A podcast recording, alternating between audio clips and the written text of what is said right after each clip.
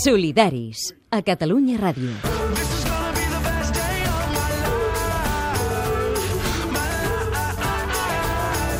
No fem diferències. Tendim a pensar que la concentració urbana, que les ciutats més grans són font de creixement i font de riquesa. Amb Adrià Bas. Els darrers dos segles de la humanitat, de fet, han funcionat si fa o no fa d'aquesta manera. Gent que anava del camp a la ciutat buscant millorar les seves condicions de vida. Tenim un món petit que no apareix als mapes. Un tren a l'infinit i un vol sense tornada. Si vols venir-hi amb mi, no portis equipatge. Ja saps com és aquest camí. A la Xina, per exemple, cada any hi ha milions de persones que ho fan. A Catalunya, sense anar més lluny, hem parlat moltes, moltes vegades de l'abandonament del camp i de l'alta muntanya, i per efecte rebot, ara ens trobem justament amb el contrari, amb famílies que deixen la ciutat perquè s'ha fet insostenible i tornen a repoblar pobles petits del país. O fins i tot, surten a la llum estudis arreu del món, no només aquí, que demostren que l'estat de salut dels veïns d'una mateixa ciutat varia i és molt diferent en funció del barri on viuen. Doncs ara posarem xifres i exemples de tot plegat. Avui parlem del creixement desigual de les ciutats, de sostenibilitat urbana, i ho fem a partir d'un article titulat Malthus viu a la perifèria, concentració urbana, infraestructura i creixement econòmic. Un article publicat al Journal of Urban Economics i que és obra de David Castells Quintana, que és doctor en Economia de la Universitat de Barcelona i actualment professor d'Economia aplicada a l'Autònoma.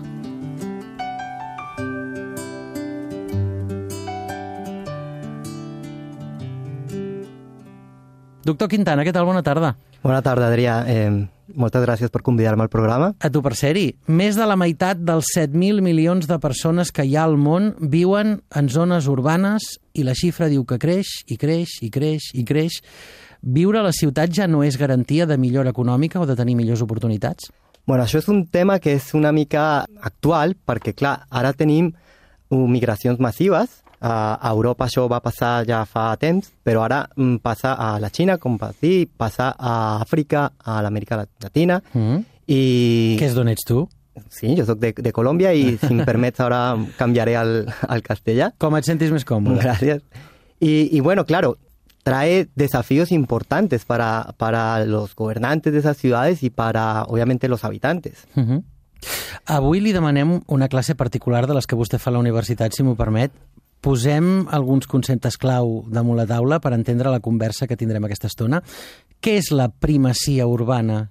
Cuando hablamos de, de, primacía urbana estamos hablando, básicamente tenemos dos fenómenos. Uno es el proceso de urbanización, que es este del que hablábamos, en el que las personas se desplazan del campo a las ciudades. Uh -huh. Eso es natural del proceso de desarrollo. Y luego tenemos añadido a esto la concentración en, en una o dos megaciudades, pues por ejemplo, normalmente es la capital, no necesariamente, o alguna ciudad portuaria, uh -huh. y esa concentración en una o dos megaciudades es lo que llamamos primacía urbana. -huh. En el cas de Colòmbia, per exemple... Por ejemplo, en Colombia tendríamos Bogotá, Bogotá... Correcto, las principales ciudades. Porque es interesante, es un caso particular hoy en día en los países en desarrollo. -huh. En Europa tenemos un sistema urbano eh, más balanceado, por ejemplo en España pues tenemos Barcelona, parte de Madrid y tenemos Valencia y Bilbao, muchas ciudades que juegan un papel Sevilla, importante. Exacto. Pero eh, en otros países, pues, por ejemplo, sí, en, en, sobre todo en el África subsahariana, Ajá. casi toda la actividad económica se concentra en una única ciudad y entonces esto atrae a toda la población del país. Ajá. Entonces, ¿qué pasa? Tenemos un sistema muy poco balanceado en el que una ciudad concentra, en el caso por ejemplo de Lagos en Nigeria, más de 20 millones de habitantes y luego ya pueblos pequeños. I què és el creixement sostenible? Tot això en aquesta definició de conceptes que estem fent encara, eh? Ara ho desenvoluparem tot plegat. Claro, entonces cuando hablamos de crecimiento sostenible o desarrollo sostenible, que está muy de moda, no solo es una cuestión medioambiental, que es tal vez a lo que estamos más acostumbrados, pero también es todo lo que hablamos, el hecho de que haya un balance en la distribución geográfica de la población, y entonces hace referencia tanto a cuestiones medioambientales como también sociales, eh, de desigualdad. Claro, cuando hablamos de desarrollo sostenible tiene que ser en términos de proteger el medio ambiente y también de brindar oportunidades para todos. Uh -huh. Segons l'Agència de Nacions Unides per l'Habitatge, en aquests moments hi ha mil milions de persones al món que viuen a les perifèries de les grans ciutats i es calcula que l'any 2030 aquesta xifra es duplicarà, seran 2.000 milions de persones. Quin paper hi juguen els barris perifèrics en tot això, els slums, els suburbis? Claro, entonces este es, era un punto, digamos, central del, del artículo y es ver cómo, cómo, en estas ciudades, pues de las que hablábamos, sobre todo estas megaciudades que ya concentran 10, 20 millones de habitantes, una gran proporción vive en, en unas periferias en condiciones realmente duras. Estamos tal vez a veces acostumbrados a las periferias en las ciudades europeas, mm. en las que a pesar de, bueno, de tal vez no ser, de tener todas las, las facilidades, pero tenemos acceso a agua potable, a electricidad, de sistemas de salud y demás. Claro, en muchas de estas periferias en los países en desarrollo no llega el agua potable, no hay eh, un sistema de saneamiento público, no hay eh, un sistema eléctrico. Entonces, claro, eso hace que, que sea una concentración de la población en condiciones muy difíciles, tanto en, temas, digamos, de, de, del día a día, pero también en, en cuestiones econòmiques, de sí, productivitat. Clar, de creixement socioeconòmic, de, de desenvolupament humà, perquè aquest article demostra que aquesta norma no es compleix a tot arreu igual i que potser funciona no sé, m'invento, eh, per ciutats, corregeixi'm si m'equivoco, per ciutats com Nova York, París, per Londres, ja m'agradaria saber fins a quin punt funciona per tothom de la mateixa manera, però que no funciona, sens dubte, per ciutats dels països del sud, com vostè ara deia fa una estona, per exemple, ciutats de l'Àfrica subsahariana. Ho hem entès bé, això? Sí, correcto. Entonces, el, el tema es que estamos acostumbrados, como decíamos al principio, a que la gente se mueva a las ciudades y esto normalmente es algo bueno, o sea, es, es algo que ha sucedido pues a lo largo de la historia, es natural al proceso de desarrollo económico y normalmente somos más productivos en las ciudades. Las ciudades nos brindan muchas oportunidades educativas, de contactos con otras personas, oportunidades de empleo y demás, y eso eh, mejora, no solo mejora nuestra calidad de vida, sino también nos vuelve más productivos como personas y como sociedad. El problema es cuando o bien las ciudades crecen demasiado, en el mundo desarrollado, pues eh, tú hablabas, por ejemplo, de Nueva York o Tokio, ya son ciudades que sobrepasan, si, si tomas toda la zona urbana, te acercan a los 30 millones de habitantes, entonces claro, aquí empiezan a aparecer problemas de congestión importantes, congestión en cuanto a tráfico, pero también en cuanto a acceso a servicios, pues por ejemplo estamos acostumbrados, vamos a estas ciudades, no podemos caminar.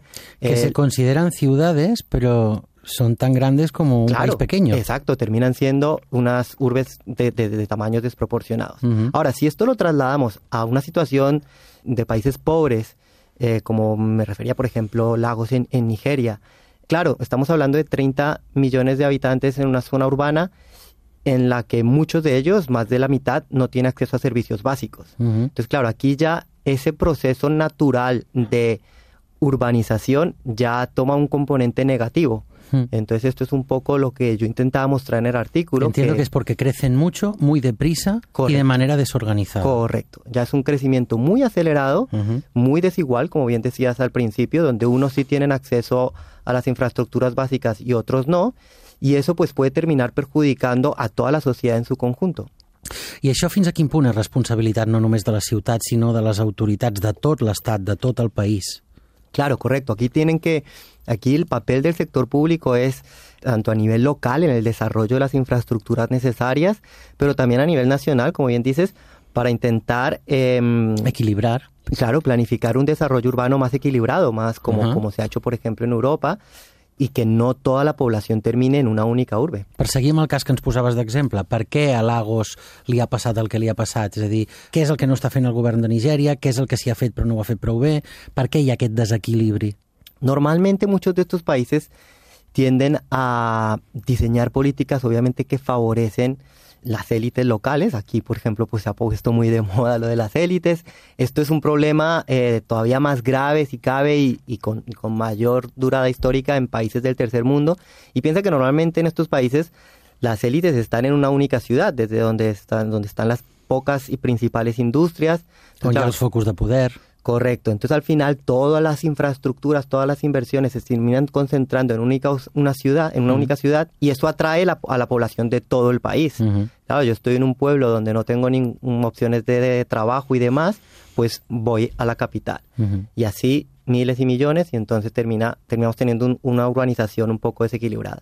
El cas de l'Àfrica subsahariana és específica per alguna raó? És perquè sí que vostè va triar aquest exemple o el podem traslladar a l'Amèrica Llatina, a l'Àsia, a qualsevol altre lloc del món? Es, es, es trasladable, es una problemática, digamos, eh, global en cuanto a que sucede también en otras regiones en desarrollo.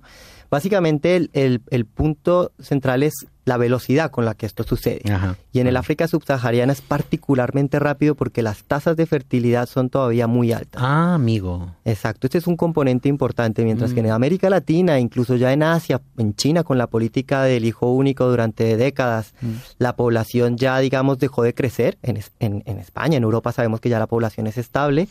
En el África subsahariana no es así, la población crece todavía en algunos países 3-4% anual, que eso es, eso es bastante. Entonces, claro, eso hace que este proceso sea muy acelerado y a una escala muy alta.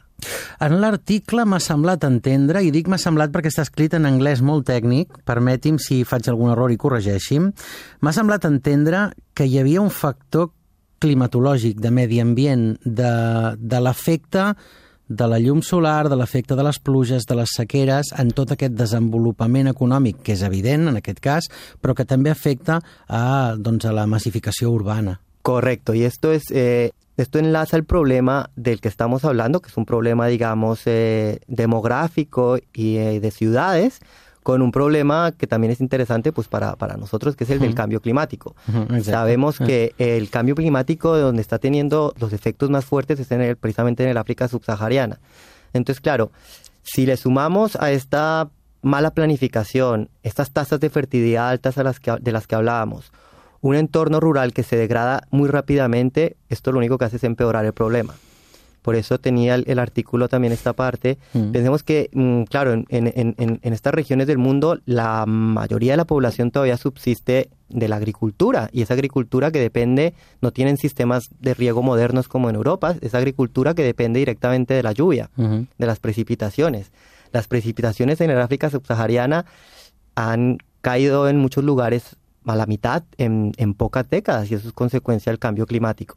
Eso lo único que hace es empujar aún más la gente a las ciudades. Esta gente que vivía en entornos rurales pues no tiene otra opción que irse a las ciudades a buscar una nueva forma de vida. Entonces eso hace que ese proceso de, de concentración urbana del que hablábamos sea más acelerado. Mm. Però clar, és impossible que no ho vegin ni, ni en aquests propis mateixos països. És a dir, si això ho podem detectar perquè hi ha xifres, perquè hi ha eh, estudis, eh, com ara el de vostè, que ho demostren, què hi fan aquests països per intentar revertir aquesta situació? Perquè suposo que això a la llarga els pot portar a un col·lapse. Bueno, sí, las, eh, de hecho, a la larga y a la corta, porque ya tenemos muchos estados Exacto, fallidos en el sí. África Y subsahariana. tan- y tan. tenemos, cuando hablamos de Somalia, muchos de estos Ujú. países son ya estados fallidos Sí. y en parte lo son por, por una degradación medioambiental acelerada en un entorno en el que no hay muchas más oportunidades para sobrevivir. Entonces, eh, realmente la situación para estos países es complicada y pues necesitan de la ayuda internacional. Obviamente ellos sufren las consecuencias de un calentamiento global del cual no son responsables. U- pu- UN Habitat està fent alguna cosa? Clar, entonces, L'Agència bueno. de Nacions Unides per l'Habitatge? Correcto, entonces tenemos toda la comunidad internacional al- mm, bajo el paraguas de Naciones Unidas y también ONGs, algunas de las cuales supongo que han estado aquí invitadas hablando. I tant, contigo. ui, moltes Muchas. vegades. Masses, vaja, per les vegades que, que anem de parlar i que sembla que no arreglem mai res. Y bueno, al final la idea es que, que esa ayuda, bueno, pueda llevar a que estos países vuelvan a tomar las riendas de su desarrollo y consigan que sea un poco más sostenible, teniendo en cuenta las limitaciones fuertes a las que se enfrentan, claro. Mm. I ara digui'm una cosa, perquè l'article es titula Malthus viu a la perifèria. Què deia Malthus que tingui a veure, que sigui rellevant en aquest article? Claro que sí. Eh, digamos, la- el, el- el mensaje de Malthus de ya más de 200 años es que al final nos encontramos una carrera entre la población y los recursos, ¿no? Malthus nos, eh, nos contaba, bueno, la población no para de crecer y los recursos pues eh, son limitados. Malthus lo hablaba para Inglaterra, ¿no? Para su isla. Él decía, bueno, la isla es una, no es más grande, y la población inglesa no para de crecer, pues esto tarde o temprano tiene que plantearnos problemas. Y bueno, a Malthus se le criticó durante, durante décadas, Muchos ¿no? años, muchos sí. años, claro. Y ahora pues vuelven un poco sus ideas porque nos damos cuenta que, que realmente, claro, es un problema tal vez ya no a nivel de Inglaterra, pero a nivel de las ciudades, como decíamos, a nivel incluso del planeta entero.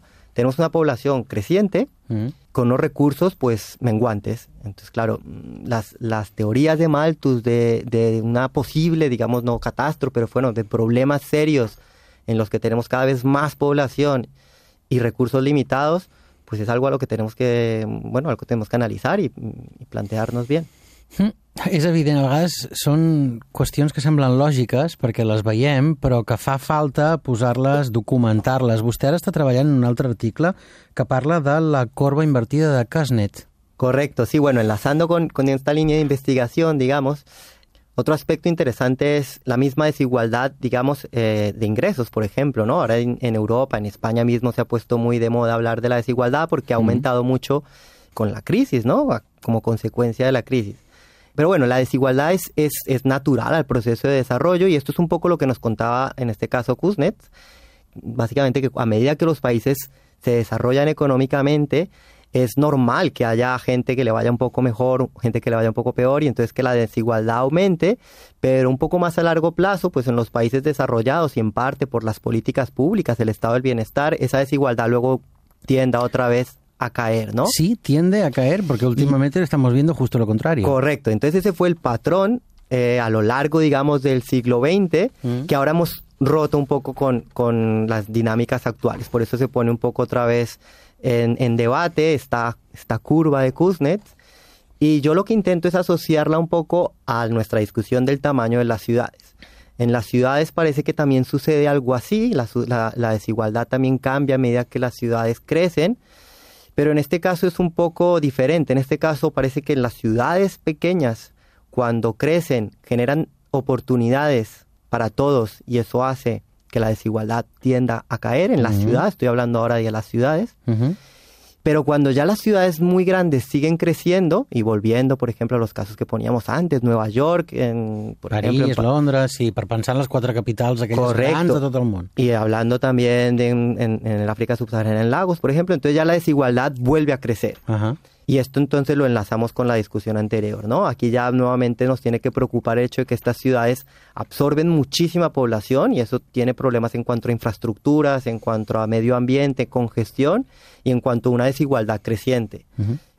Doncs ara que hem fet tota aquesta classe teòrica, doctor Castells, posi'm exemples tant de països desenvolupats com de països en vies de desenvolupament de ciutats que estiguin creixent a un bon ritme i d'una proporció més o menys adequada i que ho fan bé, de ciutats a l'altre extrem que realment eh, són un desajust constant. Perfecto, sí, me parece interesante para, para entender què estamos hablando. Sí, per fer un dibuix, exacte. Claro sí. Hem anat sentint molts exemples al llarg de tota aquesta conversa, eh? però anem a focalitzar en quatre casos concrets, dos de bé, dos de malament. Perfecto. Hablaremos de más de, de ciudades y países, ¿no? Porque como, como bien decíamos antes, al hablar de, de, una ciudad en concreto tenemos que pensar en el sistema urbano de todo ese país, ¿no? Uh -huh. Entonces, por ejemplo, podemos hablar de Alemania, en, hablando de un país ya desarrollado y, y, en el que este desarrollo del sistema urbano es bueno, por decirlo rápidamente, ¿no? Tenemos uh -huh. en Alemania, tenemos ciudades, no solo está Berlín, ¿no? Está Frankfurt, eh, están muchos otros polos Hamburg, industriales, exacto. Hamburgo, Stuttgart, uh -huh. en el que tenemos, ninguna de estas ciudades es excesivamente grande, todas ellas juegan un papel importante, uh -huh. en todas ellas la calidad de vida es buena uh -huh. y la gente de hecho pues tiene siempre la libertad de moverse de una ciudad a otra, las industrias también se mueven de una ciudad a otra, bueno, es un sistema un sistema urbano balanceado. Però totes aquestes ciutats igualment tenen les seves eh, zones marginals, on, todas, on hi ha obviamente. gent que té problemes d'accessos mínims, de, de vulnerabilitat social. Correcto, en todas ellas siempre va a haber una desigualdad interna uh -huh. que normalmente tiende a crecer a medida que crece la ciudad. Ajá. Esa es una problemática que incluso los países desarrollados como Alemania tiene que hacer, a la que tienen que hacer frente. Ajá. Pero bueno, no, Berlín, lo que decíamos, Berlín no es una ciudad de excesivo tamaño. Uh -huh. Y lo que decíamos, en Alemania hay muchas ciudades que siendo de tamaño intermedio son polos industriales importantes. Mm. Aquest com a cas de feina relativament ben feta dins d'un país desenvolupat. Sí. Eh, podríamos poner en otro caso el ejemplo de Inglaterra, que también siendo un país desarrollado y pues ahora está muy de moda con el, con el Brexit. Ajá. En Inglaterra es lo contrario, sí que hay también muchas ciudades importantes, pero el peso de Londres es desproporcionado. Mm. Y de hecho, eh, Londres se enfrenta ahora a muchos de estos problemas. Esto es parte de la explicación del, del Brexit, ¿no? Claro. Londres crece a un ritmo elevado, con una desigualdad interna muy alta. On els con... són molt cars, on la vivenda és caríssima. Correcto. Donde mucha gente no la pasa bien, donde el nivel de vida no es, no es tan elevado. Y bueno, y esto es un problema para, para- no solo para Londres, sino para todo Inglaterra. Esta excesiva concentración en Londres o este excesivo peso de Londres frente a las demás ciudades, que estas eh, muchas de ellas pierden población. Entonces ahí, bueno, hay que el- el gobierno inglés debería plantearse cómo intentar descongestionar Londres. Sí, sí. Repartir un poquito el peso. decirlo, sí. I a l'altra banda, països en vies de desenvolupament. Y bueno, en cuanto en países en desarrollo, ellos tienen un trabajo, bueno, en estos países queda, queda más por hacer, los, gran, los sí. desafíos son, son altos, pero bueno, por ejemplo, hay países como, como Ecuador, en, la- en América Latina, donde tienes por lo menos dos, tres ciudades importantes, está Guayaquil, está Quito, ninguna de las dos es de un tamaño excesivo comparado, por ejemplo, a otras urbes latinoamericanas, Bogotá es mucho más grande, Buenos Aires es mucho más grande, y además el desarrollo de las infraestructuras en Ecuador ha sido el más elevado en los últimos años en América Latina, digamos en construcción de carreteras, en todos los servicios públicos, tanto a nivel interno de la ciudad como entre ciudades. Y entonces eso hace que estas ciudades funcionen y que el sistema urbano de ciudades de Ecuador funcione. O bueno, para, para estamos hablando de, de países en vías en desarrollo. Sí, és evident. En el otro extremo podríamos tener un país como México, que es un país también en vías de desarrollo, ya de ingresos más altos, Mm. pero y un país grande, pero nuevamente que sufre de un problema muy parecido al de Inglaterra, en el que Ciudad de México concentra casi todo, bueno, un gran porcentaje de la, de la actividad económica, un gran porcentaje de la población. Estamos hablando que en Ciudad de México ya estamos llegando a los 30 millones de habitantes, Uf. con una congestión espantosa. Cruzar Ciudad de México puede tardar cuatro Dos horas. Entonces, claro, esto hace que esta ciudad mm, ya no funcione bien y tal vez a largo plazo para, para, para México, país, sea más interesante diversificar y apostar, no sé, por ciudades de tamaño intermedio que también todavía tengan capacidad de crecimiento. Mm. Eh, quants anys fa que viu a Catalunya? Yo hace más de 15 años. Per tant, temps suficient. És capaç de fer un dibuix de, de tot això que estàvem parlant, traslladar-ho al nostre cas? A Cataluña. Sí, el creixement de les nostres ciutats, com repartim el pes econòmic, de, urbà, etc etc. Claro que sí, lo intentaré. en Cataluña tenemos una gran ventaja y es pues mm, la marca Barcelona, ¿no? No estoy contando nada nuevo, pero también somos conscientes y este es debate también muy actual de los desafíos a los que se enfrenta Barcelona hoy por hoy. Barcelona es una ciudad de un tamaño mm, desde mi punto de vista casi ideal, ¿no? No, no superamos los dos millones de habitantes, no sufrimos de los problemas de congestión de los que sufre Ciudad de México, Londres y otras, y otras urbes donde el nivel de vida es relativamente alto. Pero bueno, mm, tenemos, tenemos poco espacio físico, ¿no? Tenemos la, la montaña a un lado, el mar, los ríos y sobre todo con el componente turístico, ¿no? Que es el, el- el que sabemos que nos, que nos genera mucho ingreso, pero también muchos problemas, pues empiezan a haber problemas de congestión, tienen que haber, a haber desafíos que tenemos que, que abordar. Mm. El gobierno actual de la ciudad hace cosas, no voy a entrar a valorar si son buenas o malas, pero bueno, lo que está claro es que hay que hacer, hay que pensarlo, hay que analizar cómo podemos gestionar el éxito de Barcelona para que no termine siendo un lastre de cara al futuro. Per la resta de ciutats del Correcto. país, en... Y en el resto del país tenemos también polos importantes como Tarragona. El puerto de Tarragona ha crecido mucho y eso permite que el puerto de Barcelona se descongestione un poco. Mm. Y tenemos otros centros también industriales y turísticos a lo largo del territorio. Entonces, en ese sentido, el sistema urbano de Cataluña, pues no es, no es malo, es, es bueno. Y las, bueno, la- el gobierno catalán tendría que preocuparse por potenciar no solo Barcelona, sino obviamente también todos los demás núcleos urbanos con potencial todavía de crecimiento, por ejemplo Lleida, Girona, donde, donde ha habido históricamente mucha industria, Mm, Manresa. y, o Manresa Igualada. mismo, más cerca nuestro, de aquí de Barcelona, y bueno, y potenciarlos de forma que las industrias no marchen, no vengan a Barcelona a congestionar más la ciudad o no marchen a otras ciudades. Uh -huh. I perquè alhora no caiguem en desigualtats mm, socials. Correcto, también, claro, como, como decíamos al principio, a medida que las ciudades crecen, eh, la desigualdad aumenta y en Barcelona lo vemos.